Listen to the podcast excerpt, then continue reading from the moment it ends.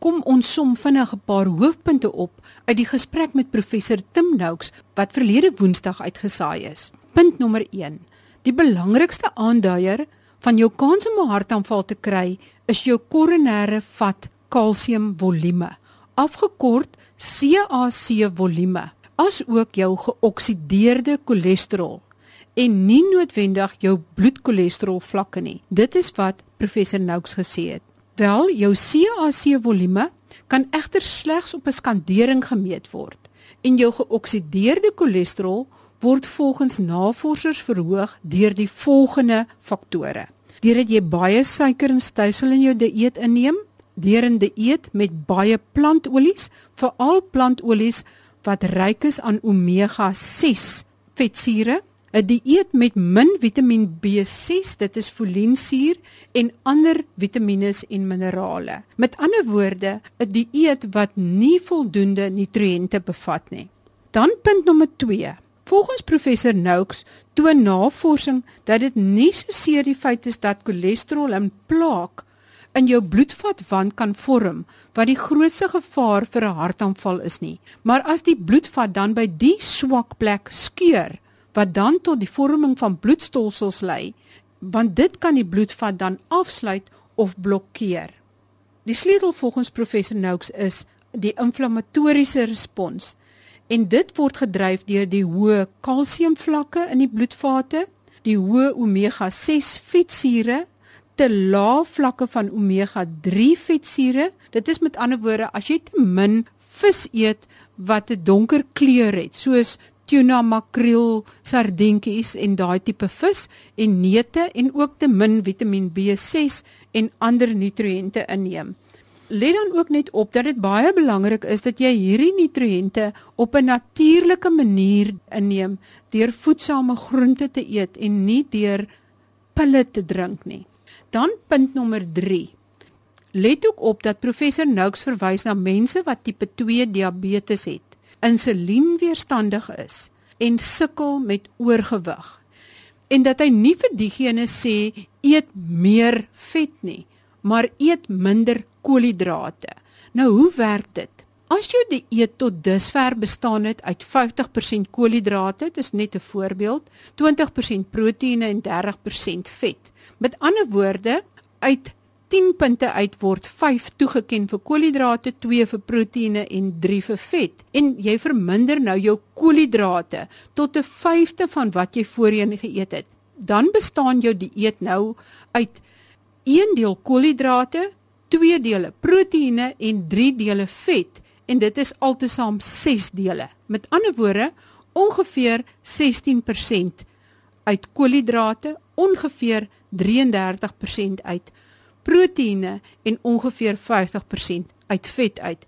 So word dit dan 'n hoë vet dieet sonder dat jy enigstens meer vet ingeneem het. Dit is baie belangrik dat die mense die konsep verstaan dat jy nie noodwendig meer vet eet nie, maar dat jy minder koolhidrate en suikers inneem en dit is dan veral verfynde suikers.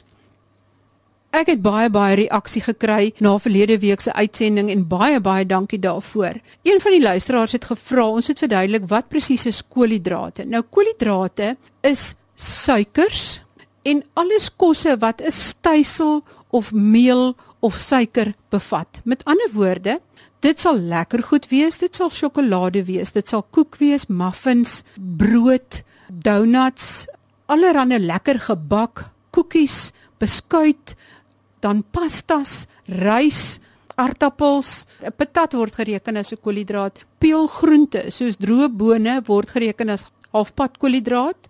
Wat dit so belangrik maak vir diabetes is dat slegs wanneer jy koolhidrate ingeneem word, moet jou insulienvlakke verhoog om hierdie koolhidrate wat uit jou spysverteringskanaal in jou bloed opgeneem word weer in die selle in te jaag want dit moet daar in die selle gaan energie verskaf. Maar iemand wat diabetes het of insulienweerstandig is, se insulien werk nie meer so goed nie. Met ander woorde, jy wil eintlik die hele proses waar daar insulien benodig word, eintlik omlei of sy stap.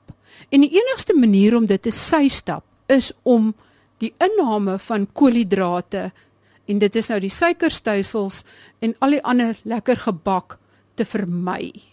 Dit is die hele beginsel waarop professor Noakes se eetplan gebaseer is. Maar kom ons luister nou verder na professor Noakes want hy kan tog baie onderhoudend en passievol oor hierdie onderwerp gesels. Professor Noakes, vertel vir ons wat eet jy op 'n tipiese dag? Kan jy dit vir ons beskryf? Well, I start every day with eggs because eggs are the most nutritious food you can have. They provide all the amino acids you want, uh, and they also provide the fats, some of the fats that you need. And so I will have them, and then I'll have other fatty foods as well and protein foods, which will change from day to day. Maybe bacon, maybe sausages, or pasture raised. All these must come from pasture raised animals. And I might have some yogurt and cheese and butter. So it's all high fat. And why is that? Because that will keep me satiated till at least four o'clock in the afternoon. I will not think about food from seven o'clock in the morning till four o'clock in the afternoon. And so I'll go to work not worrying about whether there's food available or not. And by four o'clock, I might well be feeling a little bit peckish. So then I would have some macadamia nuts, some biltong, again grass fed, if I can find it, with nice yellow fat, not white fat, must be yellow fat, and cheese. That would be the snacks. And then in the evening, I will have maybe fish or chicken or lamb. Lamb's my favorite because I think that's the the healthiest meat that you can have. And if you can get pork, pork that is also properly raised, I think humans have, at least where I come from, because I'm from England, I think pork was also a very important part of our diets. And then lots of vegetables. And that's it. So I don't eat any sweets. I don't drink any cool drinks. I haven't had a sweet or a cool drink for three and a half years. I don't eat any desserts. I don't eat anything that is sweet. And I might finish up once a week with berries, either strawberries that are a bit sweet, but blueberries or blackberries, and full cream yogurt or full cream. And that's it. It sounds very simplistic and restrictive, but it works for me. And I have type 2 diabetes, and that's what you have to eat if you've got type 2 diabetes. Because you don't have to develop any complications of diabetes if you stick to that type of diet. As soon as you incorporate carbohydrates into your diet as a diabetic, then you're at real risk of developing complications in the long term. En as mens nou nie diabetes nie, kan mens dan wel koolhidrate eet? I think you have to be cautious on which carbohydrates you eat. Because I think that it's a total carbohydrate load that you eat in your life that determines your outcome. So if you're completely non-insulin resistant and you have no family history of, of heart disease or diabetes particularly, and your family's always been lean and they've lived to 100 years, then you know you can eat what you like, probably.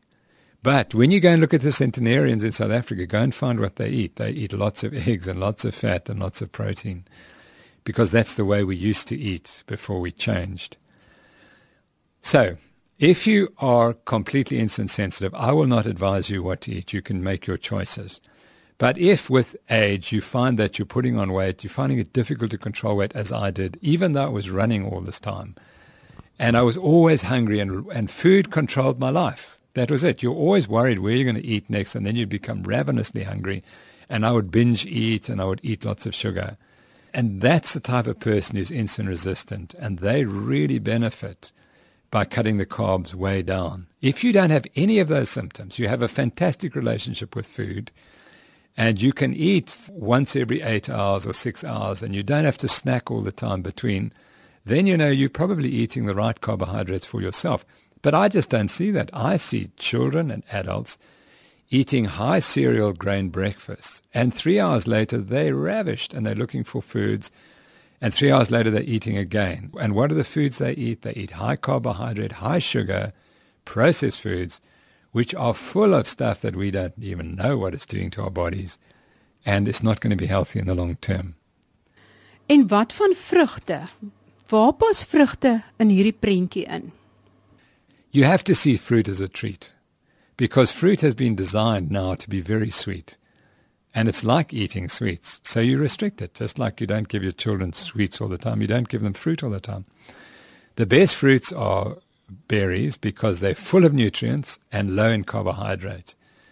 But most fruits today, unfortunately, have got nutrients in them. They are healthy from that point of view, but they've just got too much carbohydrate and they're too sweet. And so that you keep eating them and you also want to search for other sweet foods. And if you have a medical problem, which is dietary related, unfortunately, you have to get rid of the sweetness. You have to go and start eating foods that do not taste sweet. And you can teach yourself, and I've certainly taught myself. I, I do not miss sweets at all. The sweet taste is completely gone from my brain. It doesn't know what sweet is. If it tastes something sweet, I spit it out now. That's what you have to get if you've got a medical condition. Professor Noakes het nou nou uiteengesit wat jy elke dag eet. Maar dit is duidelik dat jy eintlik baie min eet en dat jou kilojoule inname per dag eintlik baie laag is. Sou jy nie in elk geval gewig verloor het as jy so min kilojoules inneem, maak nie saak of dit koolhidrate of vet bevat nie. Absolutely correct. But remember, there was a time in my life when I was running up to 200 kilometers a week and I couldn't control my weight. My weight today is the same as it was when I was running 200 kilometers a week, eating 500 grams of carbohydrate per day. Now I eat 25 grams of carbohydrate a day. My weight's the same, and I run 30 or 40 kilometers a week. So I've cut my training to a quarter, and I'm the same weight. And the reason is I'm not overeating carbohydrates, which were making me perpetually hungry. And when I went out and ran, all I did was I was trying, my body was trying to get rid of the excess carbohydrate. If I'd been running 200 kilometers a week and eating 25 grams of carbohydrate a day, I would have been five kilograms lighter and substantially faster as a consequence. But I didn't know that at the time.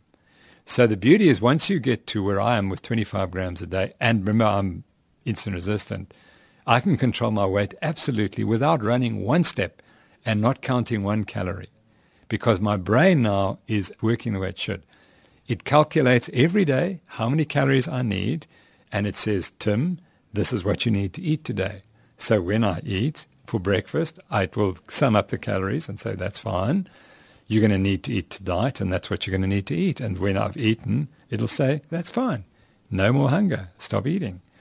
And so now my brain's absolutely attuned to how many calories I need. And I'm now eating the calories I need. I'm not eating excess. My weight is has been stable absolutely for the last year. It doesn't move a gram or two either way. So now my brain is doing what it's meant to do. But if I was to introduce just another 25 grams of carbohydrate a day, I would start putting on weight. And that's the reality of all the people we treat with who have got a weight problem. The cut point is so defined that 25 grams on the wrong side, in other words, one apple a day extra, you're in trouble. What I see people told, you must eat a balanced diet, you see. So you must eat your two or three fruits a day.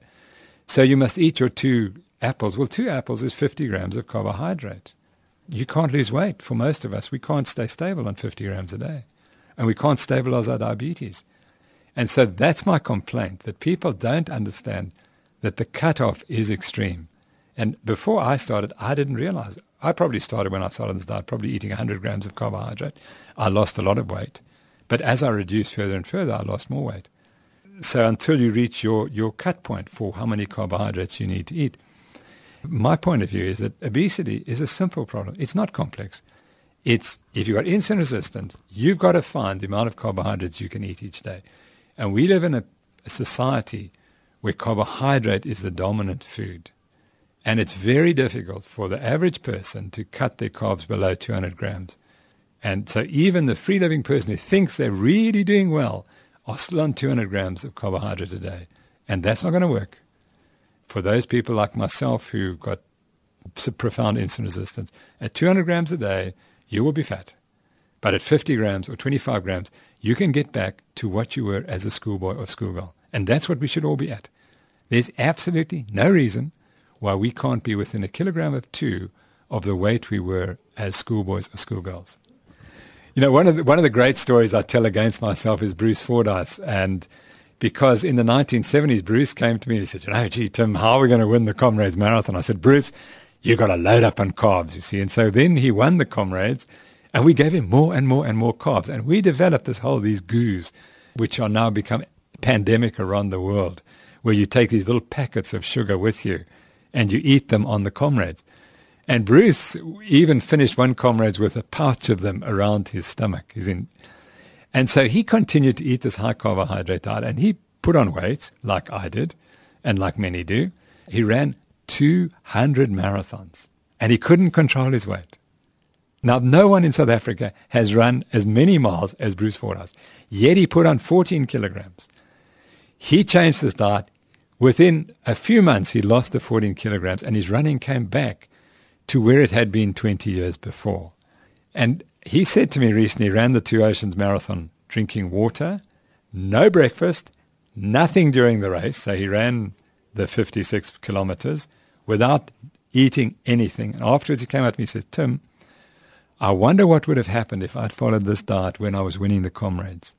And his implication was that he would have done even better. And he was the best we had.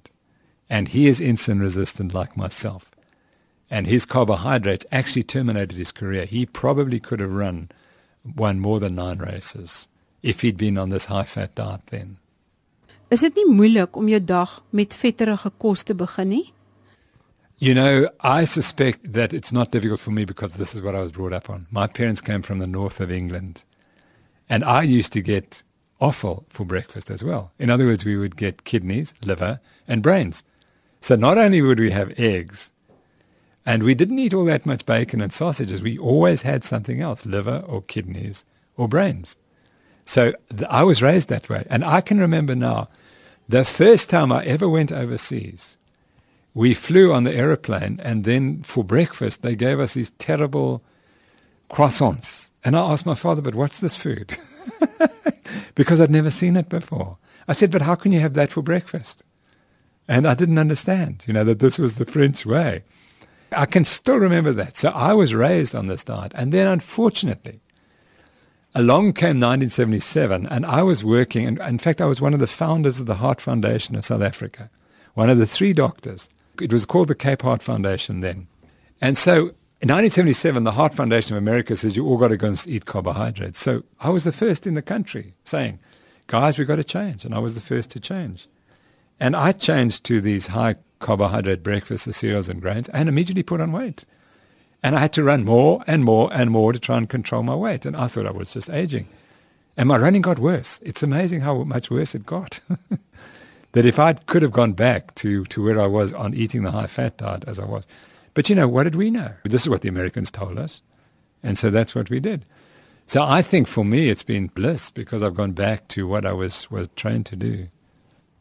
As iemand wat vandag luister en hy of sy is oorgewig en sukkel al lank om die oorige 10 tot 20 kg af te skud. Of die luisteraar het wel tipe 2 diabetes of is insulienweerstandig. Wat is jou boodskap aan hierdie luisteraar? Well, I think what people have to ask is if I'm in this state and I've been eating this particular way, isn't it possible that the way I've been eating has caused the problem? And I always challenge the doctors who challenge me. I say, but when you had your last heart attack patient, did you ask them what they were eating? Were they eating the so-called Tim Noakes or Banting diet? Were they eating eggs for breakfast and avoiding all carbohydrates and avoiding all sugar? And the light bulb goes on and they say, no, no, actually, they have cereals and grains for breakfast and they eat muffins at tea time. And then they have pasta and rice for lunch. And then they go home and they have more pasta and rice. I said, well, actually, that's not a high fat diet. They're eating a high carbohydrate diet. Don't you think the high carbohydrate diet could be causing their heart disease? And then they suddenly begin to realize. So my message is, it, as it was for me, I was eating precisely what the South African Heart Foundation told me to eat. I was eating cereals and grains and pasta and rice and pizzas and so on, all the stuff I'm told to eat, potatoes and low fat. And I used to go through a day and I'd say, gee, I didn't have any fat today. What's amazing. And so if you're eating like that and you have a medical problem, you know, just ask the question, maybe what I'm eating is wrong and do what I did. I just did the polar opposite. I've got diabetes. I could get any complications of the disease tomorrow. But I think one of the local reporters, who's very well known, and uh, he lost 20 kilograms and he said it completely changed his life. He said, How can this diet that makes me feel so good be bad for me? And he said, I would rather live another 15 years feeling like this than 25 years feeling the way I used to. And that's, that's the reality. It's just, you feel so good on this diet. That, that's the ultimate test of, of whether you should be doing it or not. Baie dankie aan professor Tim Noakes. Dit was nou 'n ware mondvol verlede week se gesprek en hierdie week se. Nou wat maak mens met al hierdie nuwe inligting? Moet jy nou alles oorboord gooi en jou hele lewe verander? Wel, ek kan my raad aan julle opdeel in vier verskillende groepe. Die eerste groep is die mense wat nie oorgewig is nie en wat nie gewigsprobleme het nie. Daar's geen rede vir julle, soos wat professor Nouk sê, om enige iets te verander nie. Dit is duidelik dat julle dan met ander woorde wel reg eet, reg oefen en dinge reg doen. Wat jy nou eet en wat jy doen, werk vir jou. Dit maak glad nie sin vir jou om enige iets te verander nie. As jy energiek voel en jy het jou ideale gewig, doen so voort want dit is duidelik dat jy dinge reg doen. Dan vir die tweede groep wat definitief tipe 2 diabetes het. Die groot probleem met tipe 2 diabetes is soos wat hy ook gesê het, Die insulien wat afgeskei word, kan nie heeltemal hulle werk doen nie, soos ook by mense wat insulienweerstandig is. As jy weet dat jy tipe 2 diabetes het, is dit dalk 'n goeie plan om te kyk of hierdie eetplan nie dalk vir jou kan help nie, omdat dit tot 'n groot mate die hele probleem dat insulien afgeskei moet word omseil. Ek dink nie dit kan veel skade doen as iemand wat definitief tipe 2 diabetes het hierdie eetplan volg en kyk hoe dit met hom gaan nie. Dan vir mense wat lankal sukkel met gewigsverlies. Hulle is oorgewig, hulle is 10 tot 20 kg oorgewig en sukkel al baie lankal met gewig. Dit is moontlik of waarskynlik dat diegene wel insulienweerstandig is. As jy kan sien vir die eetplan, volg dit. Maar dit is baie baie belangrik om 'n groot verskeidenheid groente te eet, om seker te maak dat jy al die nutriënte inkry, om goeie gehalte proteïene in te neem en om nie so seer meer vet te eet nie, maar om jou koolhidrate te beperk. En ek sou sê, die eerste stap is wat almal wat oorgewig is kan doen en dit is om daardie soetgoed, die koekies, die sjokolade, die lekkers, die ekstra versnaperings te probeer beperk tot een lekker versnapering, een porsie per week.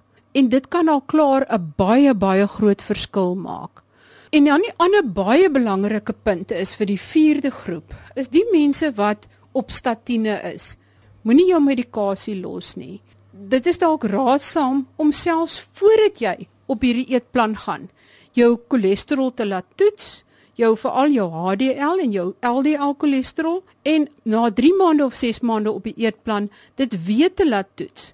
Want soos professor Noux gesê het, sommige mense se cholesterol kan verlaag. Sommige mense sin kan dieselfde bly en sommige kan verhoog. En ons wil ook darm nou nie hê mense moet met 'n hoë cholesterol sit nie. Al sê hy dat cholesterol nie die belangrikste faktor is in hartaanvalle nie. As die cholesterolplaak in die eerste plek nie in die bloedvatwand vorm nie, sal die ander faktore nie eintlik 'n rol kan speel om daai bloedvatwand waar daai plaak gevorm het te skeur sodat daar allerlei ander reaksies volg wat dan tot 'n hartaanval kan lei nie. Ek hoop dit maak sin en ek hoop dit help julle om besluite te neem want dit is interessante tye en ons moet oor hierdie goed debatteer en gesels. Ek stem daarmee 100% met professor Nouk saam. Ons sal nie vooruit kan gaan in wetenskap en nuwe dinge kan uitvind as ons nie goed wat reeds bestaan het bevraagteken en van vooraf ontleed nie. Tot volgende week dan wanneer ons gesels oor osteoporose middels en ook oor sistiese fibrose. Mooi loop tot volgende week dan. Totsiens.